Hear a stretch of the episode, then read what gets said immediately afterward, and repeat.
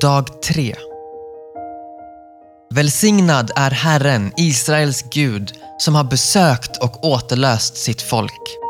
Han har rest för oss frälsningens horn i sin tjänare Davids hus, så som han för länge sedan lovat genom sina heliga profeters mun. Frälsning från våra fiender och från alla som hatar oss. Lukas evangeliet kapitel 1, vers 68 till 71. Dag 3. Gud har besökt sitt folk.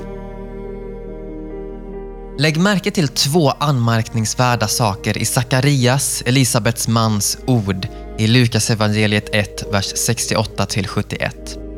För det första hade Sakarias nio månader tidigare inte trott att hans fru skulle få ett barn.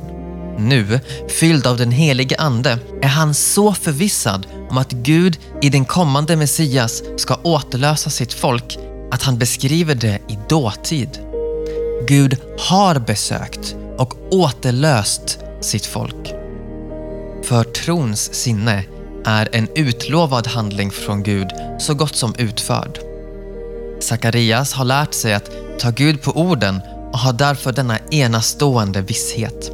Gud har besökt och återlöst. Lukas 1, vers 68.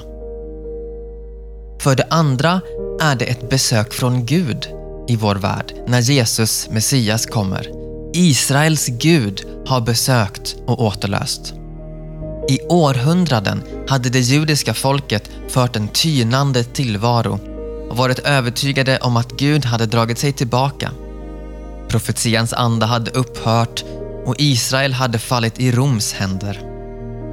Och alla gudfruktiga i Israel väntade på att Gud skulle besöka sitt folk.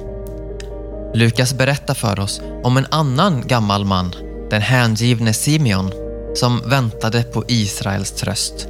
Lukas 2, vers 25. Även den bedjande Hanna väntade på Jerusalems frälsning. Lukas 2, vers 38. Det var en tid av stor förväntan. Nu är det efterlängtade besöket från Gud på väg. Han ska verkligen komma, men på ett sätt som ingen väntat sig.